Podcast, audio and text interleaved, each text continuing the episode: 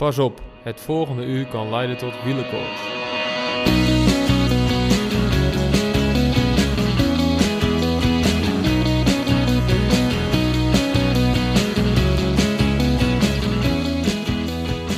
In het begin schiep God de hemel en de aarde. De aarde was nog woest en doods en de duisternis lag onder de overvloed. Maar Gods geest zweefde over het water. God zei, er moet licht komen en er kwam licht. Enzovoort, enzovoort. Eeuwen later zei God, er moet koers komen en de Ronde van Vlaanderen kwam. Jarenlang werd de hoogmis georganiseerd en God keek het aan.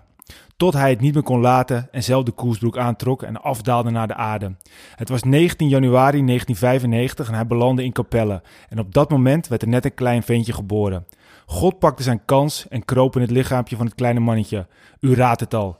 Mathieu van de Poel was zijn naam.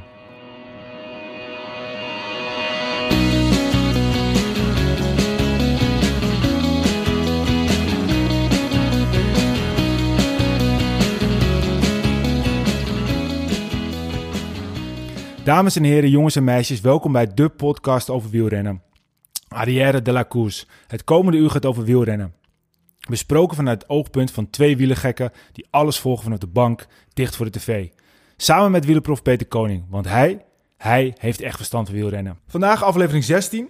Ik ben Michiel Beemster, tegenover mij zit Wilco Kenter en naast mij zit hij weer Peter Koning. Hey mannen. Maar geen applaus dit keer, dat voelt toch een beetje raar hè? Ja, is even anders De weer vorige dan. keer met die live podcast was het... eh, nou ja, dat weet je, we zijn snel verwend, maar dat is ook helemaal niet Leuke erg. intro. eh. Ja, vond je het leuk? Ja, ik vond het leuk, ja. God is terug op aarde. Tjo, dat, dat, dat, dat we gewoon een katholieke podcast, eh, podcast mogen Ja, maken. en tijdens de hoogmis, hè? Tijdens de hoogmis. Tijdens de hoogmis, of net na de hoogmis. Zo voelde het wel een beetje. Nou, we gaan het ook uitgebreider over hebben, maar het voelde echt alsof... eh, zelfs de Belgen, die, die omarmden Mathieu van der Poel helemaal. Ja, ze zijn helemaal halve Belgen, hè? Ja, dan in één keer wel, hè? Maar ik heb trouwens ook gehoord dat Wout van Aert ook een halve Nederlander is. Ja. Dus is ook mooi om te horen, toch? Nou, ik weet niet. eh, Leg eens uit. Hoe zit je, dat? nee, oké, dat niet. blijkt dus dat de, de, nou, de, de, hij, hij reageerde er zelf nog even op, maar de vader en de moeder van de vader van Wout van Aert, dat zijn Nederlanders. En die eh, zijn uiteindelijk in België gaan wonen. Dus hij is in principe gewoon een volle Nederlander, alleen hij is in België opgevoed. Dus dat betekent dat Van Aert gewoon een half Nederlander is. Hij is gewoon Nederlanders. We hebben en Mathieu en we hebben Van Aert als Nederlander. Ja, we, we gaan ze gewoon steeds allemaal annexeren. Het is Dus wel goed, eigenlijk hebben die Belgen gewoon helemaal niks. Ja, nee, weet je, ze hebben ooit Bart Veldkamp van ons afgepakt. Ja. En wij pakken nu gewoon Wout van Aert terug. Ik vind het wel een goede ruildeal. En Remco dan? Ja, Remco Evenepoel. Ja, nou ja, die moet het eerst nog maar eens presteren. En, en, Remco Evenepoel heeft geloof ik in de jeugd van PSV gespeeld. Dus dat is Ja. ook een beetje een Nederlander. Ja, zoiets. Ja, nou ja, zo is het altijd Hij is wel. gewoon opgegroeid in Nederland. Opgevoed in Nederland. Ja, Ja. nou zo is er altijd wel wat te vinden, Ja, toch? En België is vroeger ook gewoon Nederland geweest, dus uiteindelijk, weet je... Laten wie we, weet laten we Wallonië wel een beetje links liggen dan, want dat Ja. hoeven we niet, hè? Nee. Oké. Nee. Nou, we zijn eigenlijk al eventjes lekker afgekikt, maar eh, de vraag der vragen is toch altijd eh, waar we mee starten. Peter, hoe voelen de benen? Ja, op zich wel goed. Beetje vermoeid nog wel, want eh, ik heb eh, best wel zware dagen gehad de afgelopen dagen. Maar eh, ja, ik voel me goed en ik ben best wel fit. Dus ja, ik kijk uit naar de komende wedstrijden. Hey, en je zegt, ik heb veel gefietst. We weten dan, Wilco en ik weten dat jij de, de Volta in Limburg hebt gereden de laatste zaterdag. Ehm, was, het, was het een lekkere koers? Nou, niet echt persoonlijk, want ehm, ik had eh, twee weken terug heb ik best wel eh, nog een last gehad van mijn valpartij. Dat ik was gevallen in de dorpomloop van Drenthe. En eh daar had toch best wel mijn bekken baseerd. En eh, daar ben ik de hele week een beetje bij een manual therapeut geweest om het los te krijgen. En ehm, ja, daarnaast had ik niet zo heel veel gefietst vorige week, maar ik voel me op zich wel goed. Dus ehm, ja, ik had gewoon toch wel best wel goede vorm te pakken. En dan in de Volta, dan eh, toen de eerste 30, 40 kilometer probeerde ik mee te zitten in ontsnapping. En toen zag ik iets te ver naar achter. En had ik nog een klein probleempje met eh, wat materiaal, maar een beetje eigen fout. Ketting viel eraf. En ehm, ja, daarna gaven ze nog een keer gas. En het viel eigenlijk niet stil tot eh 100 kilometer. En ehm, ja, toen werden steeds werden er aan achterkant afgereden. En ehm, het was gewoon een slagveld. En uiteindelijk eh, kost dat ook mijn kop. Ik herstelde gewoon niet goed genoeg. En eh, ja, in zo'n koers op en af, op en af, draaien keren moet je gewoon voorin blijven. En anders eh, ja, wordt je kop eraf gehakt. En dat gebeurde uiteindelijk ook bij mij. Ja, en de, Kamerdicht zit ook in, daar in, die, in die koers, toch? Ja, zeker. Ja, de kamer ligt me altijd wel goed. Alleen nu eh, ja, had ik gewoon echt moeite om goed mee te kunnen komen daar. En normaal iets langer dan die andere klimmetjes is het voor mij perfect. Maar nu Ja. had ik gewoon echt wel moeite. En daarna gingen we naar de richting drie landenpunt waar we drie rondjes moesten doen. En daar trokken ze het paar keer flink door. En ja, daarna was iedereen ook een beetje, wat ik hoorde dan, dat ze daarna leeg waren en naar de finish waren gereden. Maar eh, ja, er waren bijzonder bizarre cijfers getrapt eh, vergeleken met Vlaanderen. Dan eh, is, was Vlaanderen eigenlijk een lachertje met? Volta gezien. Oh, ja, bizar. voor de kennis dan... ik hoorde jongens die hadden 350, 360 watt gemiddeld over 5 uur koers. En als je dan kijkt naar Petiol die 240 doet over de hele koers, is het wel een uur en 20 minuten langer. Ja. Maar ja, dat, dat is niet heel veel. eh Nou ja, een groot verschil. Wel leuk om te zien dat er dan zo, eh, zo goed eh, niveau is ge- geweest tijdens zo'n Nederlandse koers. Ehm, het werd uiteindelijk gewonnen door, door een, een Oostenrijker, was het hè? Nou, Zwitser. Een Zwitser, oh sorry, een Zwitser. Moeder, ja. ja.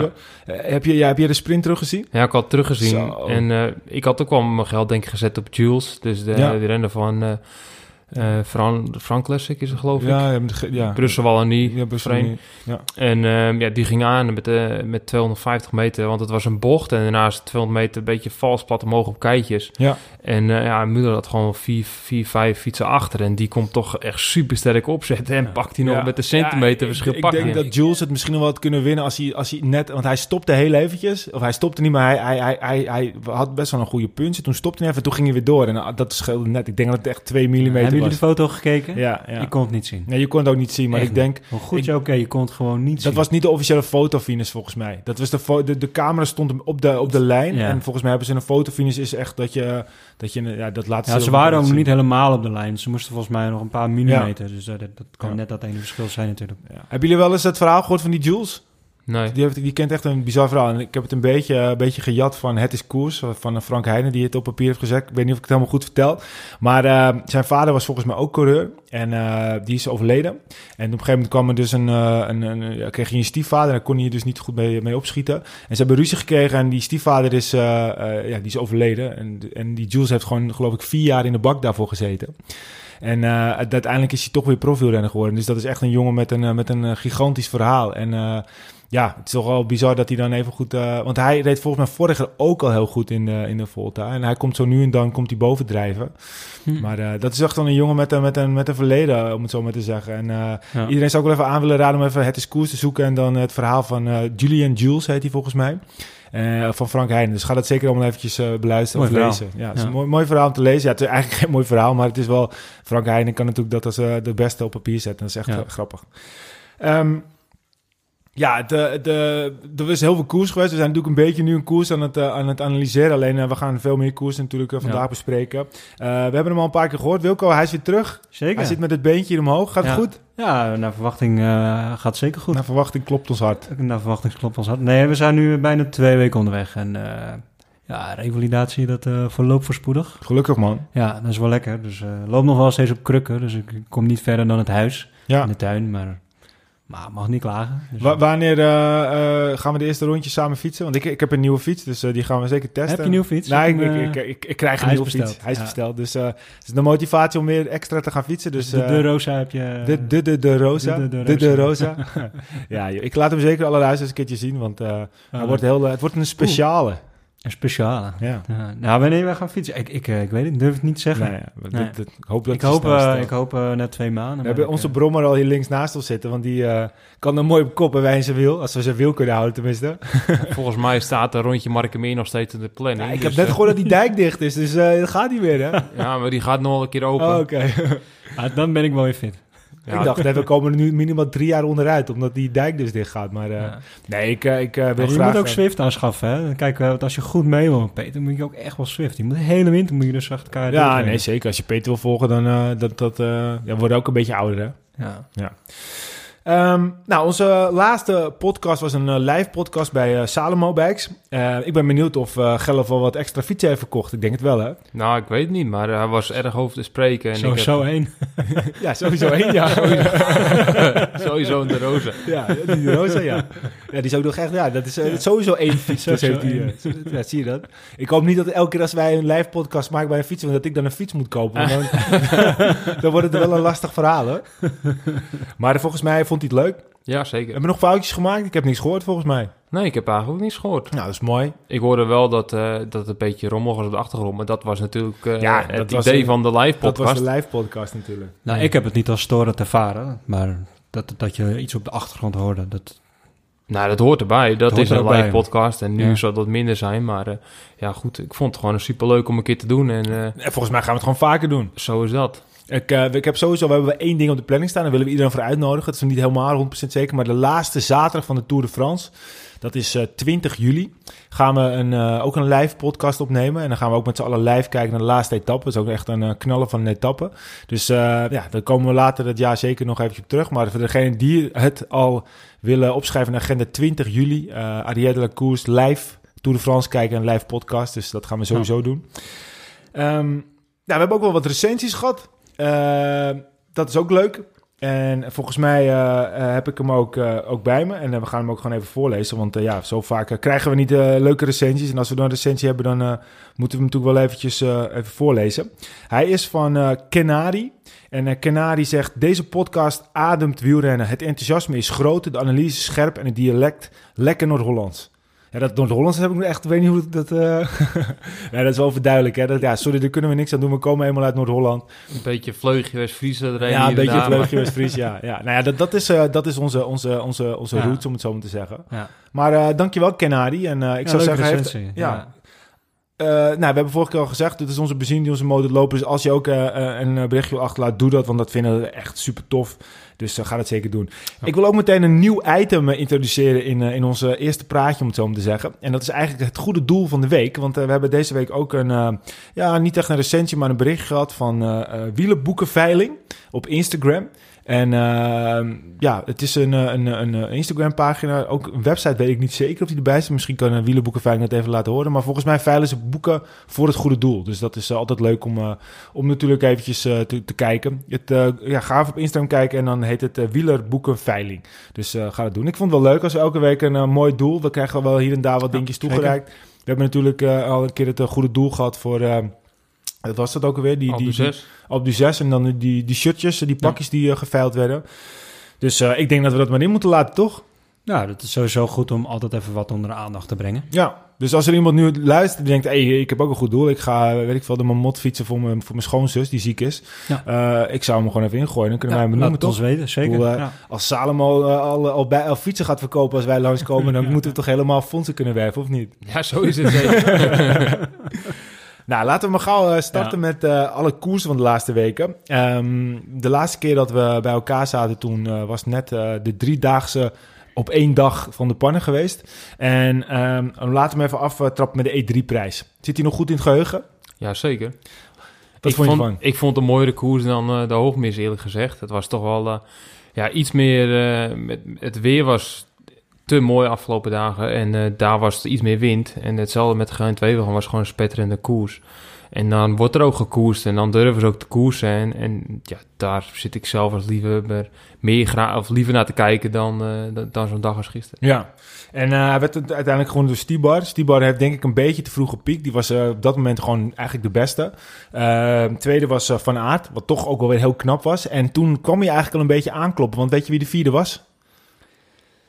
Was dat er niet Pet- Valverde? Petillon. Dat was Petiol, oh inderdaad. ja. ja. Dus Natuurlijk, hij, ja. ja, doel, nu, nu, ik weet niet of je ook gehoord hebt, we gaan het straks uitgebreid over hebben, maar ehm, de, de, ja, de organisatie van de Ronde van Vlaanderen, die heeft een keertje laten optekenen dat, eh, dat, eh, dat hij niet wil dat de types zoals Bettiol en Langeveld eh, de Ronde van Vlaanderen willen, want hij wil alleen maar grote namen. Hm. En ja, dat vind ik wel grappig dat hij er even goed won. Ehm, komen we zo zeker op terug, maar Bettiol die klopte toen al aan en, en volgens mij was hij daarvoor ook al redelijk goed, hè? Ja, hij hoort gewoon bij een lijstje met outsiders. En ehm, ik durf niet te zeggen topfavoriet geweest voor de, voor de ronde. Maar ja, hij eh, is de verdiende winnaar uiteindelijk. Maar om terug te komen in E3 was het gewoon een super mooie kopgroep. Een sterke kopgroep. En daar rijden ze gewoon voor de overwinning één voor één. En uiteindelijk was het Jungels die dan eh super lange solo inzet. Ja, het grappige is dat, dat de commentatoren ook allemaal verrast waren hè, dat die Bettiol toen in de kopgroep zat. Ja. Ze noemden alle grote namen op en, en Bettiol werd een beetje ja, zachtjes ook opgenoemd. Ja, maar goed, er kwam natuurlijk in Milan, in Milan Sanremo klopte niet al. Hè, en Ja. een paar jaar terug klopte niet al aan de deur. En eh, hij doet gewoon heel, veel, heel lang mee in, in de top. En eh, ja, als je niet eh, op het podium hebt gestaan, dan sta je niet in alle lijstjes. Maar dan hoor je er zeker wel bij, bij de outsiders. En hetzelfde dat Langeveld een outsider is en Dylan van Balen en, en dat, dat soort jongens. Maar hij hoorde zeker bij het lijstje met outsiders. En hij was gewoon de beste gisteren. Maar in de E3 was hij ook zeker al in een hele goede doen. En wat Mi- Michiel net ook zegt, dat eh Stibar, die was gewoon zijn top heen. Die hebben gepiekt voor, eh, voor het voorjaar te, te snel. Dus die was wel echt goed in, eh, in de koers, het nieuwsblad. En, in, Hij was ook ziek, hè? Bianchi was hij goed. toch? ja, maar dat is natuurlijk een mooi excuus Ja, als je ja, niet ja. goed presteert. Maar misschien was hij echt ziek en net als. Gilbert wat opgelopen. Maar hij heeft gewoon vroeg gepiekt en dan ben je nog misschien net aan supergoed in, in de E3. En dan kan je profiteren van een Jungles die dan solo rijdt. En, en Greg die nog een keer helemaal zichzelf leeg trekt om het gat te dichten. Ja. Wat ik overigens wel begrijp, want hij gaat gewoon op zijn sprint. Maar ja, dan is het een frisse, relatief Stiba nog die dan... eh, Nou, maar even serieus, Een kijk, hele, hele dikke overwinning. Ja, maar als jij het nieuwsblad wint en je wint de E3-prijs, Ja. eh, ik denk dat ik daar vooraf voor zou tekenen als ik dan, eh, ja, als je dan misschien derde wordt bij de, bij de ronde en, en je pakt twee wildtoekoers, dat is toch, dat is toch geweldig voor hem. Zeker, maar ja, het- is maar één koers wat de hoogmis is. Ja, en dat nee, is... oké. eh, en daar wil gewoon de koning wil daar gewoon eh, de, eerste plek en niet de Ja. tweede, derde. Nee, maar dat, dat begrijp ik wel. Maar goed, ik denk dat de Stipa niet ontevreden kan zijn over zijn voorjaar. Nee, zeker niet, maar het team, het team wel. Ja. Nou ja, dat, ja. Dat, Maar goed, dat- om terug te komen op, op, op Bettiol. Eigenlijk is dat... Is dat eh, zo neemt Greg van Avermaal, die had eigenlijk moeten weten... Hè, dat Bettiol heel goed zou oud zijn. teamgenoot van hem. Ja, broer, hij heeft zelf ook gezegd van vorig jaar was hij nog een beetje lui. En, eh, en dit jaar heeft hij eindelijk het echte trainen, dat, echte, dat, dat hij zijn talenten echt heeft. En als je er hard Ja. werkt, dat het er echt uitkomt. Dat had Greg van Avermaat had het moeten weten. Ja, zeker, zeker. Nou, we gaan zo ook natuurlijk de hele ronde, de, de hoogmis eh, nabespreken. Ik wil eventjes, eh, nog eventjes de races die daarvoor eh, zijn geweest meenemen. En dan komen we uit op de, de zondag toen, de zondag voor de hoogmis, dus de week ervoor. Gent-Wevergem. En eh, ja, mensen deden daar wel wat grappig over, want hij zou veel te zwaar zijn. En eh, hij zou allemaal niet eh, over de bergjes heen kunnen of de heuveltjes. En hij kan niet meer sprinten. Maar ik weet niet wie er gewoon won. Maar het was gewoon de, de beer uit, uit Stavanger komt hij vandaan, en Christophe. Ja, dat was gewoon echt een mooie koers. Ja, Kijk, er staat wind en ehm, ik zag al weer bericht. Ik keek donderdag even iets. denk, oh, er gaat de wind zijn op de kant. En, dat gaat heel lastig koers worden. Want ik ken het daar goed in de moeren. Vorig jaar zat ik zelf nog een paar keer goed mee. En mijn laatste race van afgelopen jaar was eh, de Great One Memory Race. En dat is bij hetzelfde parcours als Gent-Wevergem over de moeren. En toen was het ook zo wind. En toen had ik bewust een groot verzet gestoken. En eh, nu kon je ook gewoon renners zien die een grote verzet gestoken hadden... om, ja, om wind mee eh, volle bak eh, erbij te kunnen blijven. Ja, en dan wordt er gewoon van start tot finish wordt er gewoon vol gas gereden. En dan gaan ze met belachelijke gemiddeldes gaan ze het finish over, geloof 46 nog wat gemiddeld. Ja, dan wordt er echt, echt hard gekoerst. En dan, dan hoor je Ellen Piper zeggen dat hij boven de 350 wat gemiddeld rijdt over de hele, hele koers. Dat is eh, echt serieus. Ja. eh, dat is echt een mooie koers. ja bizar hè, bizar hè. En dan komt ze jongen bovendrijven. En dan eh eh, Caviria, het was de beste ploegmaat die je kon hebben die dag. Want ja, iedereen weet dat Viviani misschien wel het snelste was in die groep. En op een gegeven moment, eh, ja, dan slaat Caviria, die moet hem aantrekken voor Christophe. Omdat hij aangegeven had dat hij niet goed genoeg was. En eh Christophe, ja, die pakt perfect, eh, pakt, pakt het wiel van Caviria eigenlijk. Caviria snijdt eh, Viviani af en die houdt gewoon de deur dicht. En Ja. waardoor Viviani geen kant meer op kon. En daardoor kwam weer een gat voor Mathieu. En Mathieu wordt daardoor nog eh, Vierde. knap Ja. vierde. Ja, Ja, ja mooi want- dat je dat ook zegt. Hoor. Want Ik kan me herinneren, begin van het seizoen we... daarom is hij ook degene nog, die er eh, verstand van heeft, hè? eh, dan hadden we nog onze twijfels, hè, of uh, Caviria wel de juiste stap zou maken hè, naar een andere Ja, ploeg. maar daar heb ik nog steeds wat twijfels over. hadden we, nou, ja, misschien zijn die twijfels nog steeds wel, maar we hadden ook al onze twijfels. Oké, ze hebben ook Christophe, en nu komt Caviria erbij en hoe gaan ze dat nou doen? Maar als je het tot nu toe evalueert, die twee, die werken toch eigenlijk best wel heel goed samen. En ze communiceren en, en, en Eens. iedere keer is het de sterkste, daar rijdt dan de ander voor. En of het dan Caviria is of Christophe, ze kunnen allebei trots op zij Ja, zijn. nee, dat ben ik helemaal eens. En eh, we hebben ik denk vorig... ook wel dat daarom deze overwinning ook wel tot stand komt. Maar goed, daar- daarom zit uh, Piper ook in de auto. Hè? Dus Ellen Piper voor de minder eh, mensen die het niet kennen. Dat is BMC Australische ploegleider. BMC ook eh, altijd. eh, BMC. Ja. dat is echt een hele goede ploegleider. Die is heel tactisch en die weet ook gewoon... eh, die zal ook zeggen waar het op slaat. En die gaat ook gewoon vol gas tegen de renners in als het eh, Ja. niet goed is. En die zegt ook gewoon, jongens, we moeten het samen doen. En ja, daarom eh, denk ik dat ze wel gewoon samen toch beseffen dat ze beter kunnen rijden dan dat ze tegen elkaar gaan rijden. Ja, nou ja, en dat is, ik vond het gewoon mooi om te zien. En ook eh, dan eh, de nummer twee Dekenkop. Eh, het zijn toch een beetje krachtpads allemaal die, die daar gewoon hoog eindigen. En dan komt er één zo'n iel mannetje, eh, bijna nog... ja, hij zei zelf, als ik niet was ingesloten, had ik misschien wel kunnen sprinten voor de overwinning. Nou, dat was uh, God hemzelf van de pool. Ehm, ja, ik denk toen het ook. kwam het er toch al, hij zat er al toen al goed bij, hè? Nou goed, hij zat ertussen. Ik heb het op de app natuurlijk een klein beetje weer uit te leggen. Op de groepsapp. En ehm, kijk, hij had een beetje 50-50 in mijn ogen. Hij had 50% pech dat hij ingesloten zat. Maar hij had ook 50% geluk dat hij dus tot twee keer aan toe een gat komt voor hem. Dat hij even goed weer eruit kan komen om te sprinten. En sommige mensen zeggen dan van ja, hij creëerde dat gat zelf. Maar ja, nu was het Caviria die dus Viviani insloot. Waardoor er een gat kwam op links in het wiel van uh, Olivinaze. Waar hij dus in kon duiken. En dan dat hij mee kon. Maar als ze gaan sprinten, als Caviria ook gaat sprinten, dan blijft de deur dicht. En dan komt misschien wel Viviani eroverheen. En dan zit Mathieu opgesloten en dan wordt hij niet eens top 10. Ja, ja, nou ja dat zeker dus waar. dat is koers en dat is Ja, sprinten. dat- dat en eh, maar hij had gewoon geluk gehad. Aan de ene kant pech dat hij ingesloten was, dat hij niet voor de overwinning kon sprinten. Maar aan de andere kant heb je wel geluk dat hij nog voor een mooie ereplaats kan sprinten. Ja. Nou, het was sowieso een mooie koers. Het was wel grappig, want ik was, eh, eh, eh, laten we zeggen, ik, ik ben voor voetbalclub voor AZ, maar ik was bij Ajax PSV en ik zat helemaal vooraan. En het mooie was dat echt net op de, de, de, Ja. de, de finis van de, de Gent-Wevergem was ook net, werd net de bal afgetrapt. Dus het was echt gewoon, ik zat eigenlijk... Betere timing was er niet. Ik zat als enige toeschouwer daar naar een schermpje te kijken... terwijl het hele, toesta- het hele stadion zat te kijken wat er gebeurde op het veld. En ik dacht, ja, ik moet gewoon die finish zien, weet je wel. maar dat was, ja, het was, ik vond het mooi. Ja, ik eh, had natuurlijk liever gezien dat, eh, dat, dat Van der Poel hem daar al gepakt had. Maar eh, ik denk dat de vierde plaats toen heel goed was. Hey, Tuurlijk, ehm, het is gewoon, hij heeft hartstikke mooi gekoerst en je kan helemaal niet alles winnen. Nou, wat wij sowieso ook heel belangrijk vinden is dat de dames er gewoon volledig mee worden genomen. Eh, daarom wil ik ook eventjes de dames eh, doorbespreken. Eh, want zowel Gent-Wevergem als Dwars door Vlaanderen als de ronde waren natuurlijk ook gewoon een volledige dameskoers. Ehm Gent-Wevergem wild. Sterk, hè? Ja, gewoon een hele topsprinter is dat. Ja. Die doet altijd gewoon mee voor de, voor de massasprints. En eh, ja, laat nu gewoon zien dat ze super snel is. En dat je haar niet mee moet nemen in de massasprint. Nou, ook een beetje type Christophe vind ik het persoonlijk. Ze is ook best, ja, ik wil niet zeggen dat ze dik is, maar ze is wel gewoon sterk en fors. Ja, ze is gewoon groter dan de gemiddelde wielrenster. Ja. En ehm, ja, ze doet gewoon, ze is super snel. Dus dat wordt gewoon, dat is ook aan een voordeel. Voor een klassieke, klassieke sprint, zeg maar, in een eendaagse, doet ze gewoon altijd mee voor, een, voor, voor de overwinning als het een massasprint wordt. En ehm, het kan eigenlijk niet, net wat je net zegt, Christophe type sprint, dat het iets zwaarder is, dat is ook aan een voordeel. Maar eh, zeker als het een niet zo zwaar is geweest, kan ze ook een massasprint Ja. winnen. Dus het is echt een pure sprint. Hey, en eh, de, nieuwe, de nieuwe wild klopt ook alweer in de deur. We hebben er la vorige keer ook al even over gehad, over, eh, over Wiebes. Eh, ze werd tweede. Het is Ja. een heel ander type. Ik vind dat meer een beetje een Caleb Ewan eh, type, hoe ze er een beetje uitziet. Ze is niet zo groot volgens mij, of misschien heb ik het niet goed gezien hoor. Maar ze is volgens mij eh, klein en, en, en, en, en sterk. Maar dat is wel weer eigenlijk, we hebben het vorige keer ook al even benoemd, maar het is wel mooi dat er nu weer een Nederlandse vrouw aankomt die gewoon eigenlijk, ja, gewoon geen tweevergoed kan winnen. We hebben inmiddels een heel vat vol eh, met goede vrouwen. En, eh, Ze bevestigt vooral, hè. Ze laat ook gewoon Ja. nog een keer zien dat ze dat niet een eendagsvlieg is. Nee. En eh, dat ze gewoon opnieuw er staat en dat ze meedoet eh, ja, met, de, met de echte dames. En Ja. dat is alleen maar mooi. Ja, zeker, zeker.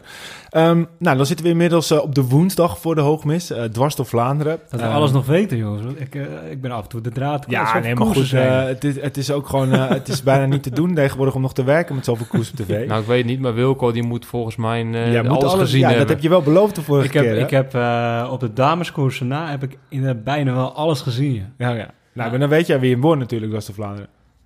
Oeh, dat is een goeie. Was dat, was is, het, is het een Belg of is het een Nederlander? Ja, dat is natuurlijk, de, dat is natuurlijk God van de pool. Ehm, ja, ik, ik, ik vond het... eh, We hadden ook op de, op de appgroep erover, over Peter, die probeerde mij ook nog een Ja. beetje eh, uit mijn tent te lokken. Want ik zei, die Turgie, die kan ook wel aardig sprinten. Dus ja, wat- van wie heb je dat gehoord dan?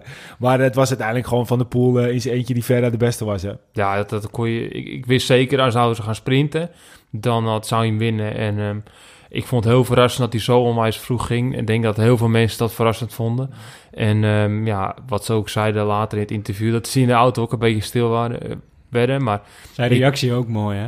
Ja, ik vond dat een mooi moment. Het voelde goed. Het was een beetje de timing. en, eh, ja, en ik wil koersen. En eh, ja, dan, dan proberen we het. Maar, maar die Turkie die sprong natuurlijk weg. En Ja. eh, toen dacht ik even, oh, het zal toch niet dat hij dan wel echt heel goed sprint vandaag. eh, dat, ik, eh, dat ik dan te veel gelijk krijg, want dat wilde ik eigenlijk helemaal niet. Maar eh, ja, hij komt eroverheen. Het mooie was dan dat die Turkie wel nog even met zijn hand op het stuur slaat. Ik denk van, ja, wat, wat denk je zelf, weet je wel? Je, je wordt dik verslagen. Heb je, hij had waarschijnlijk echt het gevoel dat hij van de pool daar kon, eh, kon verslaan.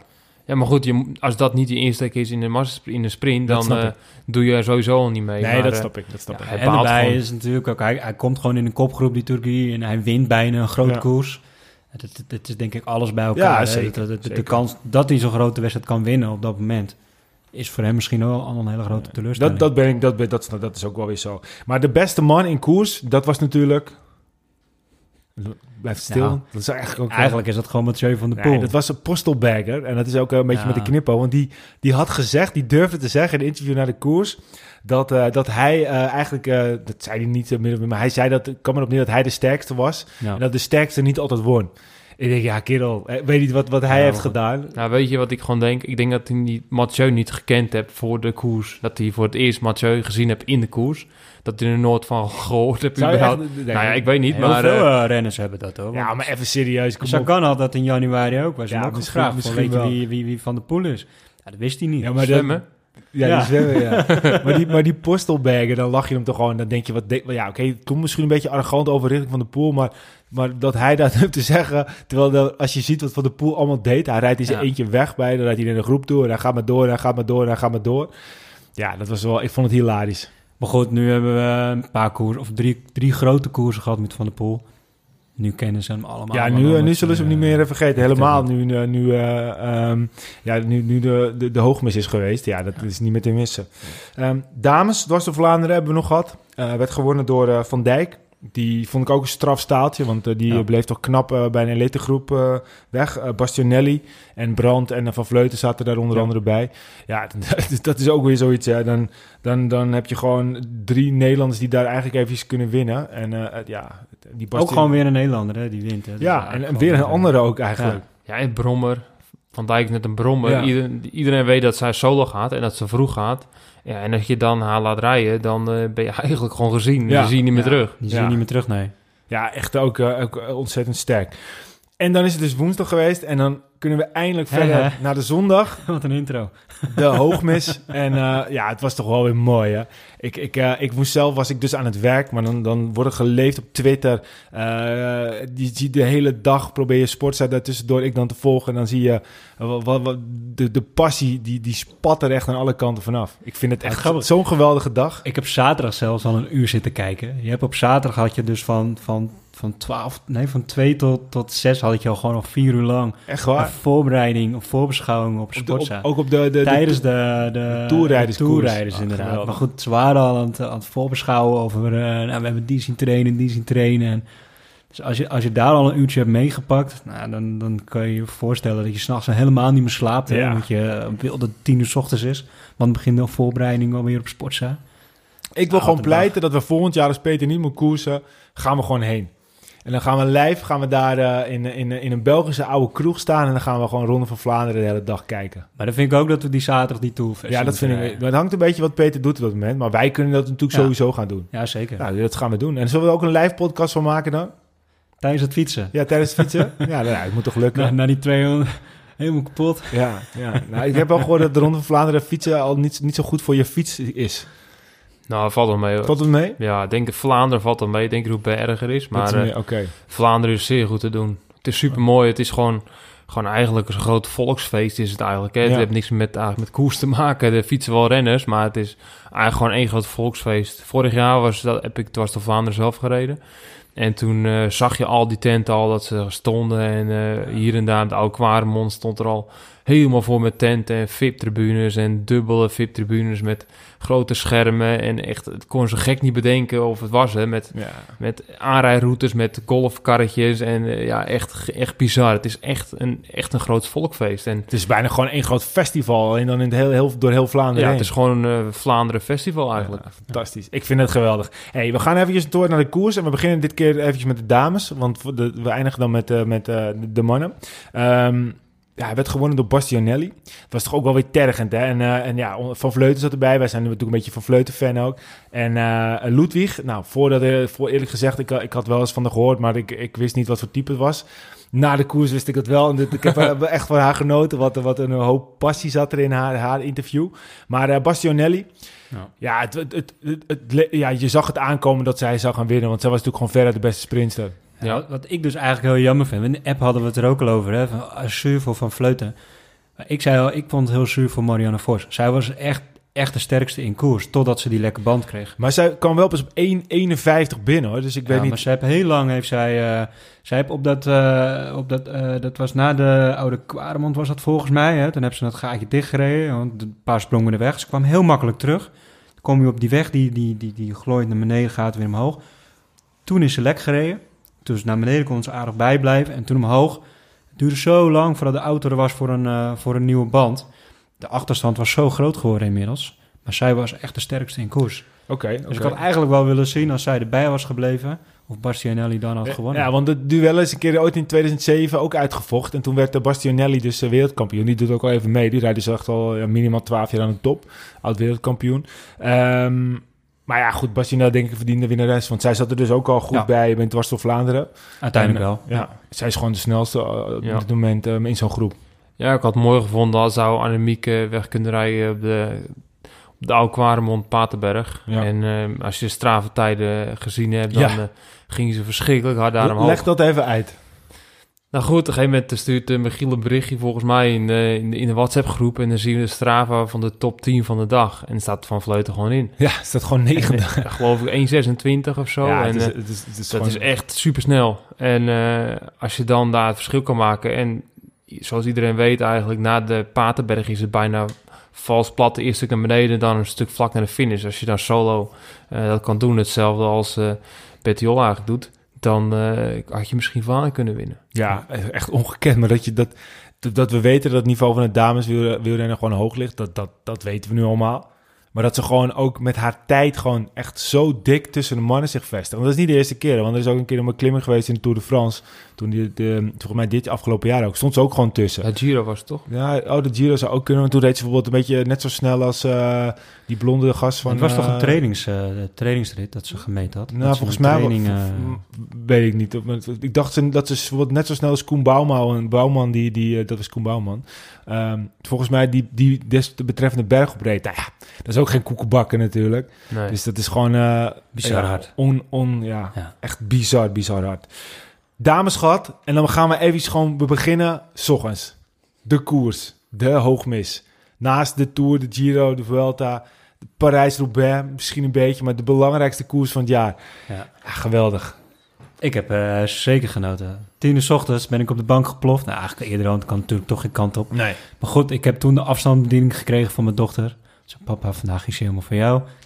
Yes. Yes. Ik heb Eerste de hele dag... eerste eh, overwinning is binnen. De eerste overwinning was binnen, dus eigenlijk kon het dan niet meer stuk. Maar ja. ah, dat is toch fantastisch. Het presenteren van die renners, dat begint het al. Ja. Al dat publiek op dat plein. Bizar. Zoveel mensen op de been. Alleen maar voor een presentatie. Ja. Om bij de start te zijn. Ja, dan voel je al dat, dat, dat er wat speciaals gaat, staat te gebeuren. ja, en dan gaan ze van start en dan het eerste groepje gaat weg, zit een Nederlander bij. Eh, maar je weet dan eigenlijk ook wel dat het een groep is die niet eh, wegblijft. Nou, maar goed, als een groep wegrijdt met de, de meeste pro-continental renners, met de wildcard, die komen daar om zichzelf te laten zien.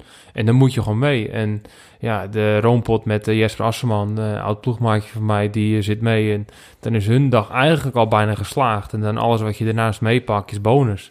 En, maar ja, teams zoals, ik geloof, Vito Concept en Wanti, die hebben gewoon niemand mee. Ja, dan is eigenlijk gewoon een grote misser. Ja. Je moet gewoon mee. Een zondag moet je mee. En dan moet je het gat gelijk dichtrijden. Ja. Maar ze laten het rijden, ze laten het groter worden. En andere teams blokkeren de weg. En dan Ja. is het klaar. Ja, en dan, dan gaan we verder in de koers. En, En, dan dan zit zitten, voort, inderdaad. Ja. ja. en dan zitten we uiteindelijk in een moment, eh, we zitten best wel verder in de koers. En dan ligt in één keer Terpstra op de grond. Bizar, hè? Ik eh, heb het eigenlijk gemist. Want ja, zoals jullie in de Ja, groepsapp stuurde ik een bericht het was, van... het Ik was trek, ook moeilijk te zien op televisie, hoor. Ik trek mijn koersbroek aan en ik ga vijf en een half uur trainen. Ja, Dus ja, Even. Maar hij lag er in één keer en Ja. eh, het zag er in eerste instantie niet goed uit. Eh, uiteindelijk bleek eh, dat hij een hersenschudding had en hij eh, maakte zelfs nog volgens mij een Instagram eh, filmpje en zei hij, I'll be back. Ja. Zei hij, dat vond ik wel heel grappig dat hij dat er Maar de echte oorzaak, klo- klopt het nou, jongens? Dat, dat de volganger een klapband Ja, heeft gehad. mij wel, ja. en, eh, want het is nooit echt bevestigd, maar Nou ja, het was ook slecht te zien, hè, wat er nou echt gaande was. Het is gewoon eigenlijk wel.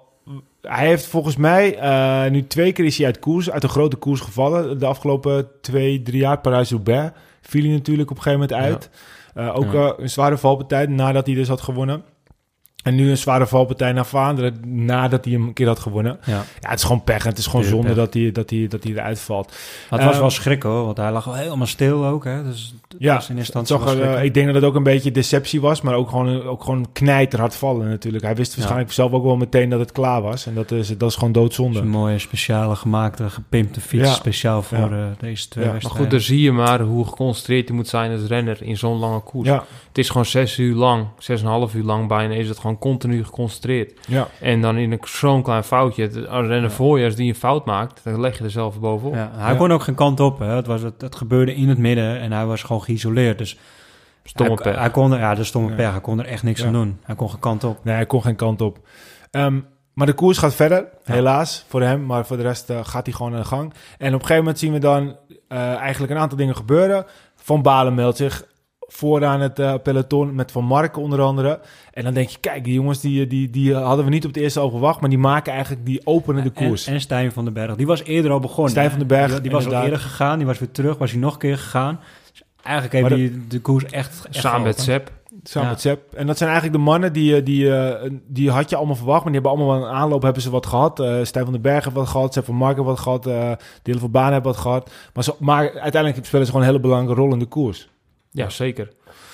Als En- het mij vraagt, dan zijn dat de jongens die de koers gemaakt hebben en niet de, de grote kopmannen. Nee, nee Ah, inderdaad. uiteindelijk was Dylan van Balen wel de kopman. Want als je uiteindelijk in de finale keek... Er was geen enkele Sky nou ja, Roos zat er nog bij. Nou, niet in de absolute finale. Nee, de absolute finale. Maar dat, dat, op dat moment zat hij er wel nog bij. Ja. En het was zelfs volgens mij dat Ro op een gegeven moment ook... op- die, ze reden bijna tegen elkaar. Dat was ook een heel, heel vreemd moment. Heel maar vreemd moment. ik weet niet, eh, Sky zit nog niet helemaal, helemaal goed volgens mij. Maar Van Eh, had toch ook een, fout, een klein foutje gemaakt... Door die, door, dat hij door zijn enthousiasme te vroeg was gegaan.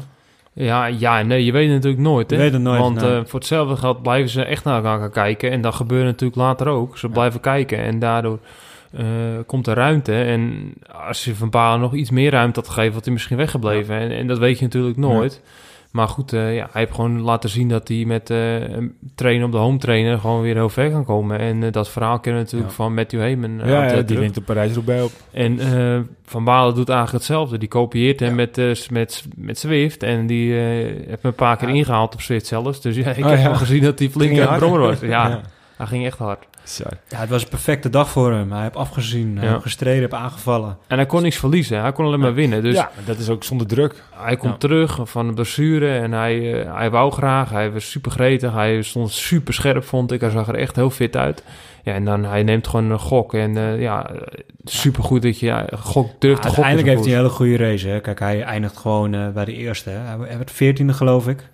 Hij eindigt gewoon bij de eerste twintig. En dan doe je het gewoon hartstikke goed. Hij heeft gewoon tot het eind heeft hij gewoon eh met de toppers meegestreden. Hij kon net de laatste groep volgens mij eh, niet helemaal bijhouden, maar hij deed het mee. Ehm hetzelfde moment in de koers ligt Van der Poel in één keer op zijn waffel. Eh, een raar moment in een afdaling. Hij krijgt eh, volgens mij een lekker band en hij steekt zijn hand in de lucht. En het lijkt net of hij zelf wat onvoorzichtig doet, maar uiteindelijk bleek dus dat zijn wiel, zijn wiel door de midden brak.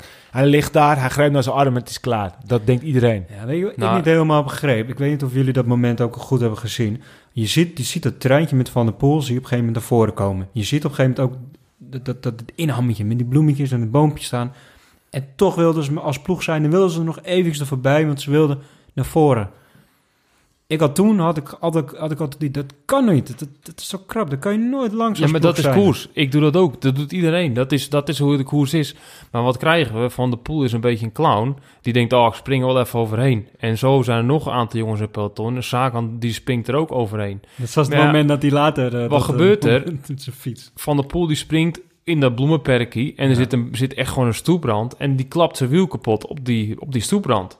En vervolgens, ja, dan is je wiel gescheurd of je velg is gescheurd. Daar leek het in eerste instantie op. Maar het kon ook nog zijn dat zijn balhoofd gescheurd is. Want zijn stuur Ja. stond zeg maar dwars, 9 graden op zijn wiel. En dat viel mij gelijk in eerste instantie op. En later hoor je natuurlijk honderdduizend verhalen. En niemand heeft eigenlijk echt bevestigd naar wat het was. Maar in mijn ogen leek het net... Ik heb afgelopen jaar met schijven gere- gereden.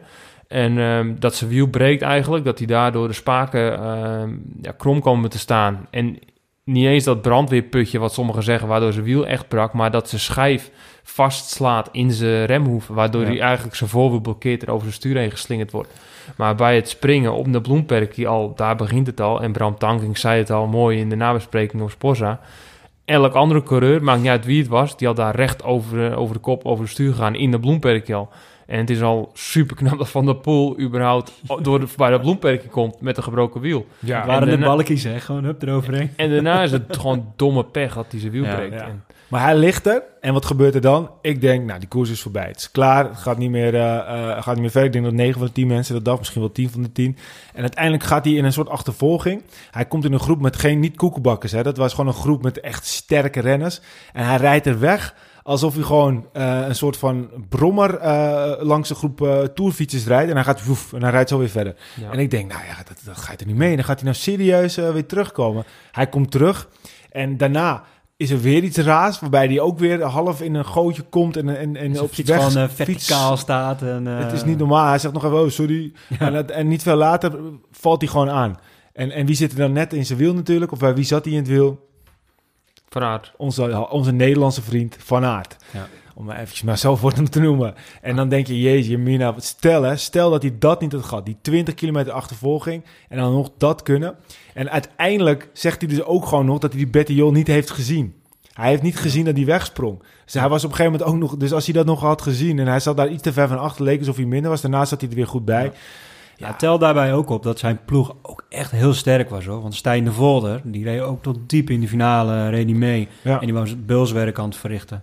Ja, en goede orders vanuit de ploeg waren ze aan. Ja. Hè? Want Michel Cornelis, die is ploegleider daar. En ik ken Michel best wel goed. En eh, die heeft gewoon waarschijnlijk gezegd van... eh, jongens, eh, Mathieu die redt zichzelf wel. Blijven jullie maar voorin. Zorg maar voor jezelf. En Ja. Mathieu die komt al terug. En ik weet hoe het is als je een valpartij hebt... en uiteindelijk dat je niks hebt. Dan krijg je een soort adrenaline boost. En dan is het eigenlijk van ik moet terug, ik moet terug. Dus ik denk dat hij een adrenaline zo ja, kick kreeg... dat hij van ik moet weer terug de koers in. En dan op een klimmetje, dan is het meer een speeltuin voor hem dat hij eigenlijk een klimmetje oprijdt. Gaat hij zigzaggend op de, volgens mij was het de oude Kwaremond tussen renners door. En komt hij op de Koppenberg, geloof ik, of was het vlak erna, dan komt hij terug. En dan zit hij gelijk voorin. Dus dat was meer een speeltuin voor hem. Een soort van, eh, laat mij even zien wat ik kan. Ja, maar, dit- En een beetje de show maken. En eh, ik denk dat het ook wel misschien goed geweest is. ja, maar echt... Het was, het was gewoon... Het was te mooi om, om, om, om naar te kijken. Het was gewoon zo fantastisch om te zien dat hij zo bizar goed is. Ik durf te zeggen dat ik de laatste tien jaar, behalve Remco Evenepoel, eh, vorig jaar bij de belofte WK, toen hij op een gegeven moment achter was en zo'n beetje iedereen er voorbij rijdt. Ik heb echt de laatste twintig jaar nog nooit zoiets gezien op wielergebied. Nou, je zag ook, eh, ik weet niet of jullie de, de samenvatting gezien op Sporza daarna met Sepp en eh, Mathieu. En Sepp die zag die beelden en die zegt, ah, dit is, dit is, ik ben gewoon fan, zegt hij van de renner die ook van de koers is. Dus die zag je gewoon stralen en die vond het zo mooi dat Van der Poel nou eh, erbij komt. Hij zegt, ik hoop echt dat jullie meer de weg gaan koersen, want dit is echt wat toegevoegde waarde, echt co- concurrenten van waarde waar ik tegen mag fietsen. Dat is Ja. gewoon geweldig. Ja, dat, dat vind ik dan wel mooi dat Sepp dat dan zegt. Dat, dat, dat Ja. kan ik echt wel waarderen. Ik vind het af en toe Ja, een beetje rare kwiebus, maar dat hij dan zoiets zegt, is wel heel, heel tof. Ja, Ja, zeker. En daarnaast vind ik, ja, kijk, jij zegt, ik heb nog nooit zo, zo- je kan niet vergelijken met Sagan, maar Sagan is ook een type renner natuurlijk die altijd koers maakt, en altijd strijdt, altijd overal voor gaat. Van der Poel is, eh, is natuurlijk ook zo'n mannetje. Ja, iedereen die geniet natuurlijk van zo'n man. Ja. Die altijd wil aanvallen, die altijd koerst en niet wacht. En Ja, maar niet- hij doet ook geen raar. Hij, hij is ook niet arrogant. Hij doet geen rare dingen. Hij, hij, hij, hij, hij rijdt gewoon en hij, hij heeft, heeft, heeft lol. Volgens mij was het ook in Dwars door Vlaanderen. Dan ziet hij een steen op de weg liggen. En dan tikt hij als een soort. eh, je hebt een Ja. sport dat is. eh, dan gaan ze op wieler, ja, wieler fietsen. Gaan ze dan een soort van voetbalspelletje spelen. Nou, dat, deed, dat kan hij ook waarschijnlijk. Want hij tikt gewoon tik zo dat steentje weg met zijn wiel. Ja. Het is, iedereen gaat op zijn waffel als hij dat doet. En hij eh, krijgt gewoon voor elkaar om die steen weg te tikken. Nou, Sagan kan het ook eh, Ja. waarschijnlijk wel, maar goed. Hey, Maar mooi om te zien, prachtige wielrenner. Ja. Van der Poel is terug. En dan komt op een gegeven moment eh, de Paterberg. De Paterberg, hè, is het toch? Waar de, Ja, Petit aan, aanviel, Ja, je? ja. Dat is oud Kwaremond. oude, oude, oude Kwa- Ja. Ik dacht dat het de Pater was, maar Oude Kwaremond. En ehm ja, Bettiol, die gaat. En ik had eigenlijk meteen wel het gevoel, nou, dit, dit kan wel eens beslissend zijn. Ja, zeker. Want het was... ook allemaal eenlingen in die groep. Iedereen gaat naar elkaar kijken. Er was geen samenwerking op dat moment. Daarna uiteraard ook niet, maar op dat moment was er geen samenwerking. Ja, ik had dat gevoel ook wel. Ja. En is dit het einde van het tijdperk van Avermaat? Mm, nee, Nee, zeker Nee? niet. nee, die moet je nooit afschrijven. Dat is hetzelfde met Joubert en dat soort renners, Ja. die moet je niet afschrijven. Maar ik voorspel dat dan al een beetje in de groepsapp dat dit ga- zou gaan gebeuren. En ik had gezegd, eh, ik had gegokt op Jungles. En eh, ik zeg dat er één renner weg zou rijden en de rest gaat naar elkaar kijken. En dan, eh, of natuurlijk niet beter kunnen, maar het is meer van een renner van de tweede lijn. Die laat ze sneller rijden in de hoogmis dan in, in andere koersen. Omdat Ja. de koers van zoveel waarde is. En dat ze Ze eigenlijk gunnen het elkaar niet. ze gunnen het elkaar niet. Ze kijken naar elkaar en dat er een renner als Petiol, die, die ook de sterkste was, dan daar niet van, wat niks af van zijn prestatie. Want het was, hij was degene die durfde en de been had. Maar daarnaast waren die anderen gewoon met elkaar bezig, in plaats van dat ze met hun eigen koers bezig waren. En vanavond maar zie je gewoon, ik ga niet met Matthews en met Christophe en met Caviria en dat soort mannen naar de streep. Dus ik hou me wel gedijst. En Ja. hetzelfde deed Nijs en hetzelfde deed al die andere sterke jongens die het eigenlijk hadden moeten doen. Ja. En daarom had ik mijn geld gezet op, eh, op, op Jungles, omdat hun in de breedte over de al afgelopen weken toch een breder, sterke blok hadden. Als iemand zo als Jungles weg zou rijden en niemand reageert, kan er ook één renner weggaan. Maar stel je nou voor hè, dat Mathieu op de eerste rij had gezeten en die had meegesprongen met Bettiol, had er niet weggebleven. Dan had iedereen, als een, als een rode lap op een stier, gaat iedereen achter Van der Poel aan. En dan is het een hele heel andere koers. Ja. Dus eruit één renner weg die gewoon supergoed gegokt heeft. Want ja, die heb gewoon gewacht. En in mijn ogen is IF de beste ploeg van de dag. Want die laat gewoon in de breedte Zo. zien dat ze gewoon een doel hebben en een missie. En die, die, Ze die, getergd. die sfeer Ja. is goed en, en, en dat ik is denk gewoon dat, top. Ik denk dat heel veel eh, eh, renners in de groep niet wisten hoe zwak anderen waren. Ik denk dat Van Avermaet voor mij niet door heeft gehad hoe zwak Quickstep eh op Asgreen na, hoe, hoe zwak Quickstep was die dag. Stiba zakte er doorheen.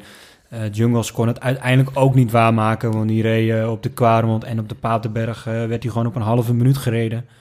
Maar Ik dat denk- was, ik denk van Jungles dat, niet, dat het niet was dat het beter kon, maar dat hij gewoon verkeerd te positioneren is. En dat is een groot gedeelte in, in Ronde van Vlaanderen. Is positioneren eigenlijk het allerbelangrijkste. En Ja. in, in Roubaix is het meer eh, een, een, een af, afvalrace, zeg maar. En nu is het gewoon het beste wie het beste kan plaatsen. Die kan het makkelijkst beginnen. En Ja. dat is het grootste voordeel van een crosser. En dat heb ik altijd al gezegd op het P, zelfs op andere niveaus, bij ons op het NK's en dat soort eh, rondjes, eh, zeg maar. Dus eh, met heel veel bochtjes. Die crossers waren altijd voorin. En het is zelfde Vlaanderen. En dat soort rondjes, allemaal bochtjes op en af, draaien en keren. En die kunnen zich zo verschrikkelijk goed plaatsen, omdat ze Ja. zo handig zijn. En dat is altijd in het voordeel geweest van Sagan ook. En Ja. dat heeft Van de Poel ook. Dus die, Ja. die bespaart zoveel energie. Maar wat, wat ik probeer te zeggen, zoals Sagan, die was ook niet heel goed. Ik denk, als, als een, en we houden het even bij Van Avermaat. Als Van Avermaat nou geweten had hè, dat, dat, dat, dat het grootste deel in de groep niet sterk genoeg was. Van Aert zei het later ook, ik had de benen gewoon niet op het eind. Ik reed op mijn max, ik kon ook gewoon niet harder. Stel, Van Avermaat had wel gewoon Ja, doorgetrokken. maar hij kon, hij, achterom. hij kon er niet mee. Hij, hij werd gewoon, Bettiol was gewoon beter. Helemaal op de Paterberg. Ja, maar, maar bij, Toen was, dat, toen was, dat, toen was die Bertiol was al weg. Op de Paterberg Ja, maar- bleven ze naar elkaar kijken. En er is niet echt Ja, maar ik denk dat Bettiol gewoon de beste was. Ja, die was ook goed hoor, Die- zeker. Die ja. was gewoon de beste. En, en vanavond ik, ben, ik kon... ben van mening dat, dat die groep erachteraan niet alles gegeven Nee, heeft om... Maar dat klopt, omdat ze allemaal alleen waren. Kijk, vanavond ja. maar die gaat natuurlijk niet eh, volle bak rijden als hij weet dat eh het bordje... erbij zit. Ja, en ik Ja. denk, nou, dat wilde ik... Ik wacht ook even jullie, jullie eh, gesprek even af.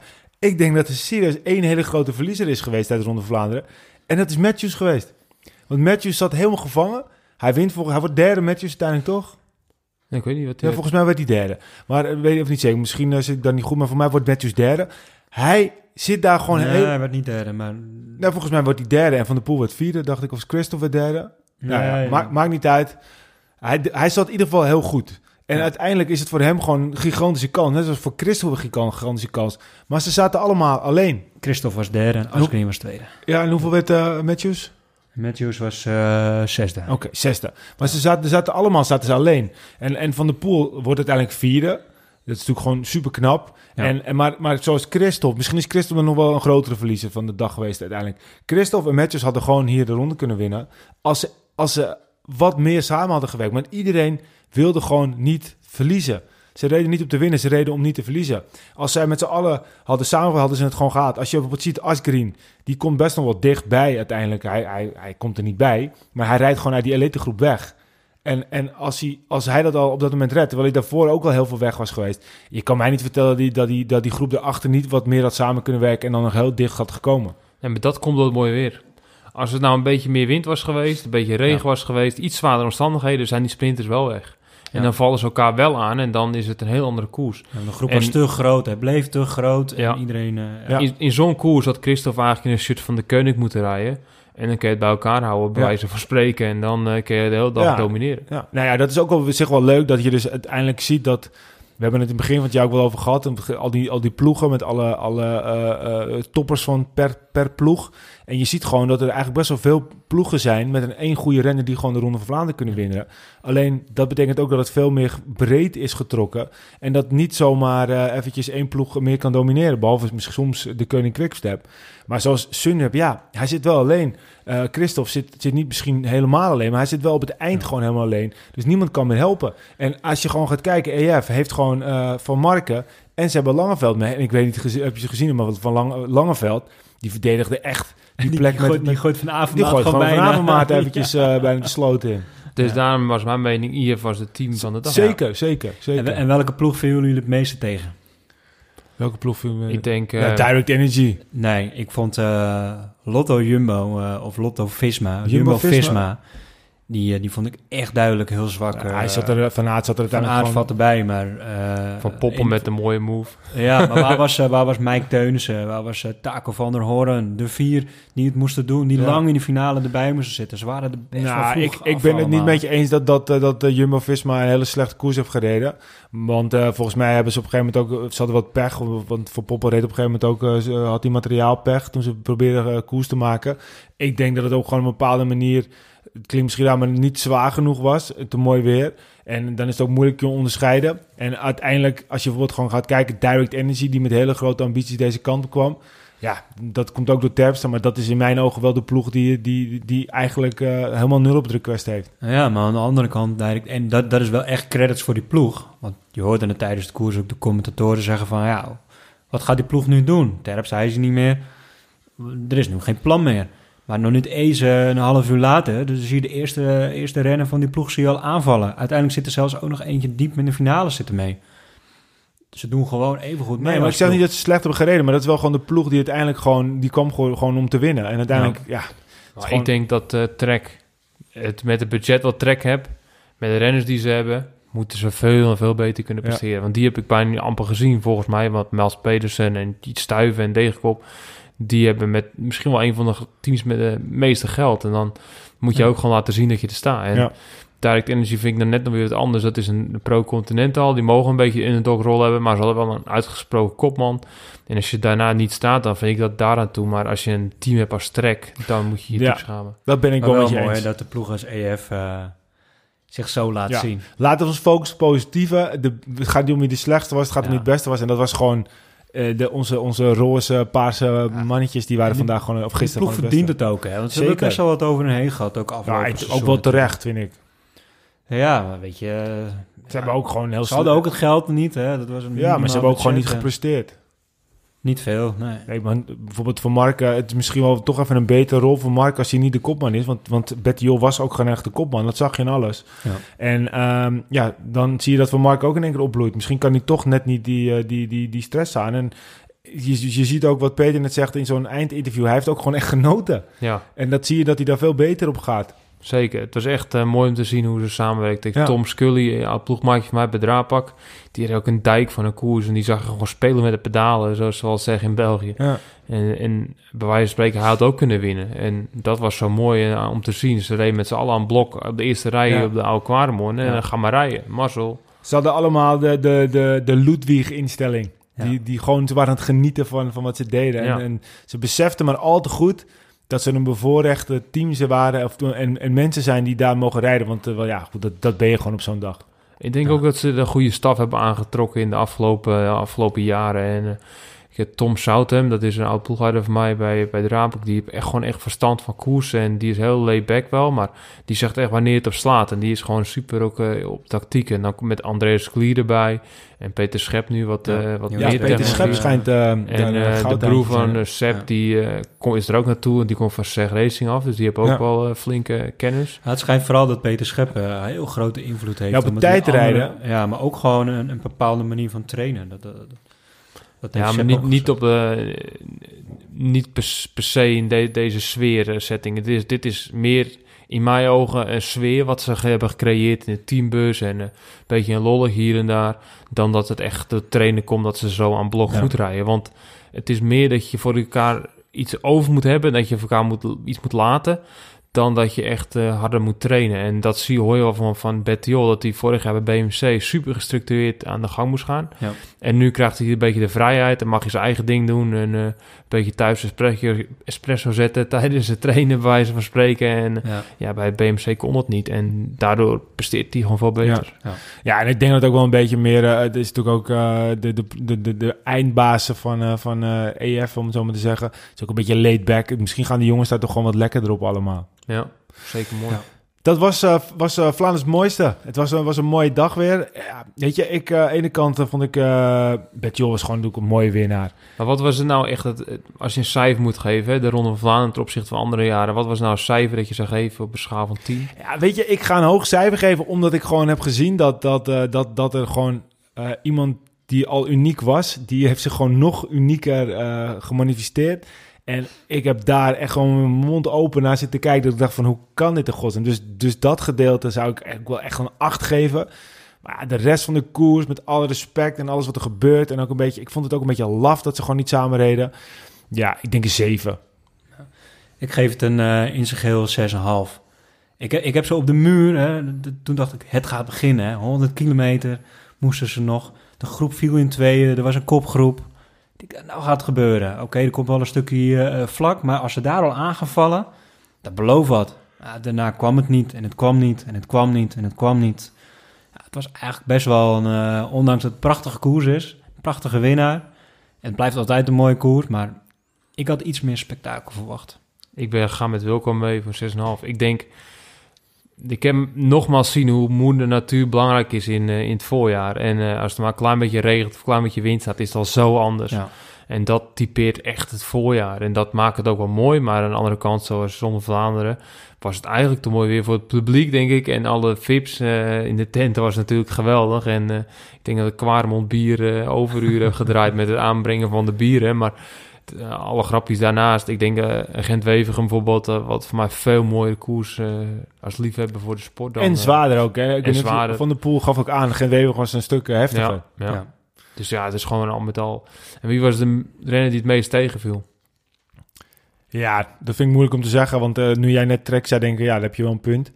De renner die, ja, ja, ik vind ook misschien wel Lampaard. Ja. Ah, ik weet, ze hebben allemaal wel een huurverhaal. Ja, ik vind het moeilijk te zeggen wie tegenviel. Het is een koers van... Uh, ja, maar als je, één moet, als je, als je één iemand uh, moet... Je moet iemand noemen. Oké, okay, uh, Olivier Nase. En ik denk Luke Rowe. Ja, Luke Rowe. Ja, ja, dat vond Die zo sterk vorige week en dan... Nu een beetje, ja, denk ik, oh, jongen, ja, jongen. Ik vond het wel weer mooi om te zien hoe... Uh, hij speelt geen rol, hè, laat het duidelijk zijn, maar hoe de Van Verre er dan toch wel bij. Nou ja, hij speelt geen rol, hij zit er gewoon bij. Ja, okay. maar hij, hij, kon niet meesprinten. Hij reed altijd een beetje achterin, ja. maar hij zat er wel continu bij. Ja. Vond ik wel mooi om te zien. Ja, wat gebeurt er als, als een Van Verre aanvalt op de Quaremont? Dat is zelden weer die rode lap op de stier, daar gaat iedereen volgen.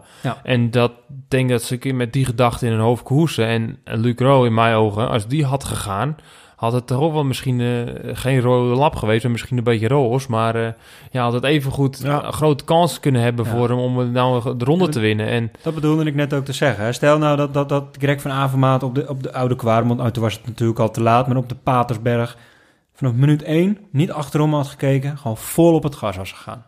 Even niet bedenken wie zit er allemaal in mijn wiel, gewoon vol op dat gas. En als we boven zijn, ja, maar dat doen ze niet. We, Nee, maar dat is eigenlijk jammer. Waarom ja. zou je dat niet doen? Want iedereen moet voor zichzelf de bergje oprijden. Omdat hij bang is dat hij zichzelf dat opblaast en dat iemand in zijn, in zijn wiel gaat en dat die van hem profiteert. Ze willen het, ze ja, gunnen het elkaar niet. Het dat, een, dat is de reden. Het is een, een, een heuvel van, van 300 meter, ja. wat echt zwaar is. En ze moeten het allemaal zelf doen. Er stond bijna geen wind, dus je kan niet echt uit de wind rijden. Nee. Die 300 meter. Ja, Wie weet ben je wel met z'n vieren, met z'n vijf over. En dan kan je wel dat ene treintje vormen om... Ja, uh, ja maar echt verschil maken op de Paterberg is moeilijk hoor. Want het is, wat je zegt, het is maar 300 meter. Het is 1 minuut, uh, 1 minuut 20 geloof ik, of zo, 1 minuut 15. Dat is ja. te kort om daar echt gewoon 10, 20 seconden verschil te maken. En uh, ze moeten het gewoon doen daarvoor. En ik snap niet waarom voor de laatste keer uh, de combo uh, Oude Kwaremond, uh, Paterberg, dat een Jasper Stuyven, dat een Luke Rowe, al dat soort mannen van het, van het van eigenlijk net onder de echte favorieten, waarom die niet aangaan voordat ja. die klim begint. Precies. En probeer het, want als je, kan, als je gokt met dit weer, dan heb je een hele grote kans om te winnen. En ja. dan heb je tenminste geprobeerd om te winnen. En nu zijn er heel veel renners die het eigenlijk niet eens hebben geprobeerd. Ja, klopt.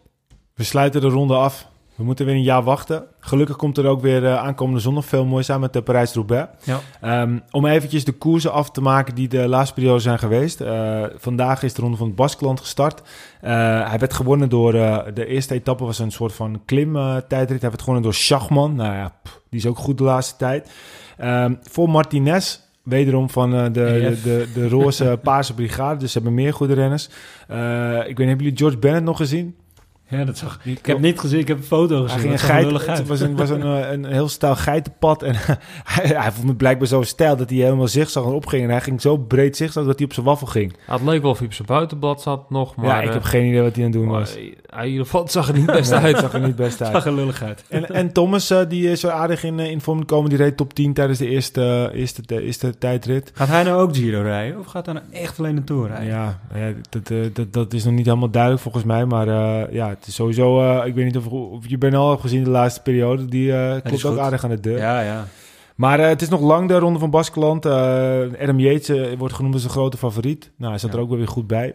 Dus we wachten het af en in de volgende podcast zullen we het waarschijnlijk over hebben. Maar we zitten alweer lekker bijna op een uur. Maar we gaan het nog even over Parijs-Roubaix hebben. Geen van de Poel. Nee. Maar Peter, jij bent hier degene met echt verstand van wielrennen. Geef ons eens een top 5 van favorieten en waarom. Nou, ik, ga, ik heb natuurlijk snel een beetje gekeken in de stadlijst wie er allemaal eigenlijk in de voorlopige stadlijst gaan, gaan rijden. En ik denk dat we echt een koers gaan zien waar we onze vingers bij af kunnen likken. Want in prijs maakt het niet uit of het weer echt slecht is. Als het weer slecht is, wordt het nog slechter. Maar het wordt meer een afvalkoers, omdat het parcours gewoon uh, altijd zwaar is. En iedereen wil vooraan beginnen aan de kasseistrook. Maar of je hard of zacht eroverheen gaat, het doet sowieso pijn. Het doet sowieso lastig. Dus Eigenlijk is het zo, de gouden regel, hoe harder je over kassei gaat, hoe makkelijker het is. Dus ze gaan vol gas. Dus de koers moet gemaakt worden. En waar je in Vlaanderen alles rustig aan, uh, tranquilo op de smalle wegjes kan, moet in Roubaix vol gas worden gegeven over die kasseien. Maar omdat er, wat er nu gebeurd is in Vlaanderen, dat alle grote mannen naar elkaar gaan kijken en dat ze eigenlijk niks gunnen, verwacht ik toch wel dat er in Roubaix hetzelfde een beetje gaat gebeuren. En dat er toch renners van de tweede lijn, of gewoon echte sterke hardrijders, naar boven komen drijven. En dat die daar uh, neus aan het venster gaan drukken. En dan uh, renners zoals Jack Bauer bijvoorbeeld, wat heel veel mensen dan denken van wie is Jack Bauer? Maar ik denk dat dat soort renners, net als met Heyman toen in de kochgroep was, dat die het neus het, neus het venster gaan drukken. En samen met uh, een heleboel andere jongens, uh, bijvoorbeeld Erviti van Movistar. Er is ook zo'n grote beer van 85 kilo die gewoon uh, urenlang door kan beulen. Die ga je van voorzien, in mijn ogen. En ja, mijn favoriet is Gianni Moscon. Gianni Moscon. Kijk, dat willen we horen. Ja. Dus uh, Gianni Moscon gaat Parijs-Roubaix winnen. Getekend uh, Peter dus, Koning. Uh, ja. nou ja, ik, ik ben benieuwd. Ik heb er zin in. Um, ja, er zijn natuurlijk ook wel even goed gewoon uh, de, de, de geëikte namen. Uh, ja, je ziet ook wel dat zo'n Stibar bijvoorbeeld dan een paar uh, weken heel goed was en nu wat minder. Ja, ik, ik ben benieuwd. Wilco, wil jij nog daar iets aan toevoegen? Nou, ik, ik, ik heb wel een voorgevoel dat uh, Peter Sagan gewoon weer gaat winnen. lastige aanloop, maar je ziet wel langzamerhand wordt hij beter, beter, beter. En hij is wel zo'n man die ook gekke dingen doet op de fiets. En aanvalt waar hij aan kan vallen. En, en als hij denkt, ik heb er zin in, ik ga er vandoor die helemaal niet omkijkt of uh, die ook gewoon koers wil maken. Dus dat zou ook voor hem zou dat een mooie koers kunnen zijn. En ik heb ergens toch wel een stille hoop dat Sebastian Langeveld, eindelijk een Sebastian Langeveld, dat het ja. een beetje zijn dag mag zijn. Oké, okay, we gaan één naam noemen. Peter zegt Johnny Moscon. Wilco zegt? Zag ik Sagan. Sagan. Ik zeg Wout van Aert, de Nederlander. Wout van Aert. Ja. Dus uh, dat uh, gaan we afwachten. Helemaal goed. Wil, wil we het ook nog heel even over welke Kelderman hebben? Wilke Kelderman, uh, nou ja, kijk, natuurlijk, we willen het altijd over. Ik ben, groot, ik ben de grootste fan van Wilke Kelderman, denk ik. Naast zijn vriendin en zijn vader en moeder. Nee, maar het is gewoon, uh, het is gewoon vervelend dat, dat het weer gebeurd is. En uh, ik wil hem hierbij ook naartoe even, als hij luistert, Wilco, jongen, het komt echt een keertje goed. Die Tour ga je echt nog een keer winnen, ik weet het zeker. ik heb al het geloof erin. Maar het is gewoon verdomd irritant voor hem. Ja, hoe, ga, hoe gaat de ploeg het oplossen? Dat is de vraag natuurlijk. Ja, nou ja, Ome zal waarschijnlijk naar de Giro worden gehaald. En ja, ik hoop dat. Ik hoop dat ze Omen uh, meenemen naar de Giro. Ja, maar ik denk dat zoals Hirschi is nog jong, maar uh, ja, kan ook zomaar wel een goede, goede superknecht worden. Zeker, die heeft zich zelf wel goed laten zien laatste ja. weken. Dus ja, ja ik ben was benieuwd. Ook in, uh, wat was het nou in, in was het niet geen Wevergem? Nee, het was... Wat was het? Het was een van, het was ook een ja, cool. Hirschi, die, die, voor mij was, was het geen Wevergem. Of, of het was op Vlaanderen, was het zo. Ja, nee, daarom. Hirschi, ja. Hey, um, een paar kleine dingen voordat we afsluiten. Ik heb gehoord dat de Amsterdam Gold Race overweegt, het is overwegend, het is niet zeker, dat ze dus ook eh, zandpaden en dat soort dingen eh, willen meegenemen In de toekomst, hè? in de toekomst. Ja. Ja, lekker achterwege laten. Ja. Laat lekker in Strade Bianchi en eh, dat soort wedstrijden. Maar Ja. waarom zou je nou weer dat eh, veranderen aan de Amsterdam Gold Race? Het is zo'n mooie koers. Het is altijd spektakel. Het is altijd lastig. Waarom zou je... Ja, het gaat hem niet Het- zozeer om, om, om die zandpaden. Het gaat hem meer om het feit van... Hij, hij wilde vanaf dat ploegen de koers gaan controleren. En daar probeert hij zijn parcours op te bouwen. Dus hij kijkt niet van, nou, die wil ik laten winnen wat ze in Ronde van Vlaanderen doen. Of, of nou, hij wil gewoon hij wil tegengaan dat, dat ploegen de koers controleren. En daarom overweegt hij zulke dingen. Ja, maar Ik weet, je, denk dat, dat weet gewoon- je wat je dan moet doen? Dan moet je alle wegen een meter breder maken. Maar dat ga je niet doen. Dus dat is gewoon, als je in Limburg een koers houdt, dan is het gewoon draaien een keer op en af, smal en breed, smal, breed. Ja. Dus dan heb je kans dat je het stil kan gooien. Hij is toch al zwaar genoeg? Kom op, waar Ja. gaat het om? Ik bedoel, het is gewoon Nee. populistisch wat hij wil doen, joh. Het heeft niks te maken met hij wil zwaar. Hij wil gewoon populistisch en hij wil uiteindelijk nog meer toerrijders eh wil hij naar, de, naar de, de Amsterdam Gold Race halen. Want ik snap ook wel dat op een gegeven moment als mensen dat een keertje vier, vijf keer hebben gedaan, dan wordt het weer wat saai, want het is eigenlijk steeds hetzelfde rondje. Ja. En, en dat wil hij waarschijnlijk. Maar goed, Precies. maakt niet uit, we zullen het wel zien. Kijk, ik ben een groot voorstander van, van gravel en eh, rijden op gravel, want, maar vooral niet in Nederland. In Nederland hebben we zo'n mooie structuren met eh, fietspaden en dat soort dingen. Het En- wordt toch ook echt een andere sport? ja, maar het is meer dat ze dat, dat gravel opzoeken in Amerika en Australië en dat soort landen, omdat het Ja. gevaarlijk is op de openbare weg om te fietsen. Want dan wil je niet verrot gereden worden door iemand die Nee. met een telefoontje Ja. zit te spelen. En als je of rood bent op gravel, dan heb je geen auto's die 80 rijden Nee. waar mensen Nee. op WhatsApp zitten. En dat is in die landen wa- je wordt zo populair omdat het zoveel veiliger is dan op de openbare weg. En het rijdt Ja. bijna nog net zo mooi met een goed materiaal. Dan voel je bijna het verschil niet of je op, op een strand rijdt of op een eh, gravel rijdt of eh, weet ik het wat. Ja. Dat is dat is misschien nog wel leuker. En Ja. in Nederland hebben we zo'n mooie fietscultuur. Dus waarom zou je daar vanaf moeten stappen? En blijf lekker in Limburg. En dat is alleen maar goed voor ons. En buiten dat koersen moeten gewoon lekker hun eigen identiteit houden. En Precies. niet eh, gaan naapen en kopiëren. Oké, duidelijk, duidelijk. Ehm, tussendoor het duurt nog weer een ruime maand tot de Giro. Dus dat eh, gaan we het ook bij de komende podcast nog over hebben. Ehm, de strijd tussen Astana en de Gunner Quickstep. Wilco, wie staat ervoor? Geen idee. Peter, weet jij het? Ik denk de koning. Het is 21-20 op dit moment voor Astana. Maar Mitchelton Scott die komt eraan, want die heeft op dit moment 16 overwinningen al. Die kan een paar Zo. pakken nog wel met Yates. Eh UAE heeft er op dit moment 11, Bora heeft er 11 en eh, Jumbo Visma staat nog steeds eh, nee, daar, daarop met 9. Maar goed, straks komen de grote rondes eraan en dan... eh, Gaat het snel. even- ja, dan Gaat kan het dan kan het hard Zeker, gaan met eh Quickstep. Met, Viviani. Volgend jaar hebben we nog een andere podcast op de planning staan. We gaan hem toch even noemen. Ik, eh door onze vaste volger Sander, Sandra Anders op, eh, op Twitter, die, eh, die attendeerde ons op een best wel tof evenement in Tiel. Tijdens Pasen. Het heet de Tour de Vedette. En dat is natuurlijk niet een, een profkoers, maar het is wel een toffe koers volgens mij. Want hij gaat sowieso door de kroeg heen. Dus je fietst door de kroeg heen tijdens de koers. Nou, dat lijkt me wel geniaal. En eh, ze, vro- ze fietste ook vroeger nog door een kerk heen. Dat gaat alleen nu niet meer, geloof ik. Ja. Maar we gaan eh, volgend jaar kijken of we daar ook een podcast kunnen maken. Want dat lijkt Ja. mij geniaal. En Vedette Ja, is is best wel lekker ook eh, om, om te drinken. ja, dat is wel lekker om Ja, erbij te drinken. Ja. Ehm, en dan eh, als laatste, we moeten het even over hebben. Want we hebben heel vaak gejuicht voor hem, maar Betsema. Jongen, jongen, jongen.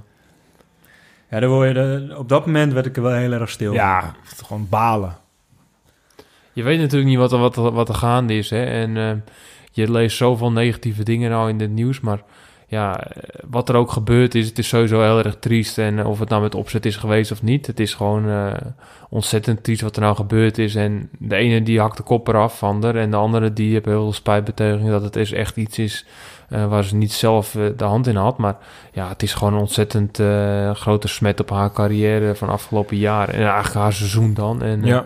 ik ben benieuwd of, zo, of ze nou vrijgepleit wordt of dat ze echt wat, wat Ja. kwaads gedaan heeft. Ben ik ook benieuwd naar. Ja. Ze is sowieso niet meer, het zal niet meer de oude zijn. Nee. Nou, ja, laten we, laten we er geen oordeel over vellen totdat we weten hoe de B, hoe noem je dat, de, de B-stalen, ja. zijn, zijn gecheckt. Maar het is gewoon zonde en het, eh, het, is, het is gewoon een smet op haar seizoen. Mocht ze niet eh, eh, gebruikt hebben, mocht ze wel gebruikt hebben, dan zou ik echt zeggen bye bye, zwaai zwaai en tot nooit, om het zo maar en te door. zeggen. Maar, Maar ja, we wachten het gewoon af en we gaan het nog niet oordelen. Ja. Nee. Oké, nou dan gaan we bijna naar het einde. Ehm, we hebben onze grote vriend Remco Evenepoel natuurlijk nog. Is hij al terug van Ibiza? Of, eh? Zat hij op Ibiza? ja, hij zit toch altijd op Ibiza? of niet? Nou, ik heb, ik weet niet. ik Ik, heb een eh, tijdje niks van hem gehoord. Ik, ik zie op social media ook heel weinig van hem. Ik, Ja. denk, ik denk dat zijn, eh, zijn manager heeft gezet van... eh, misschien moet je maar eventjes... Misschien zit hij nog steeds in de, in de schaduw, omdat hij dus eh, zich steeds zo snel verbrandde. Ja, ik zag hem ook niet achterop bij Keizer zitten tijdens de Ronde van Vlaanderen. Nee. Dus, nee ik zou niet Nee, weten. nou, ik weet niet waar hij is. nee. En, en als laatste, ehm, waar kijken we naar uit? Ik kijk wel uit naar de Giro.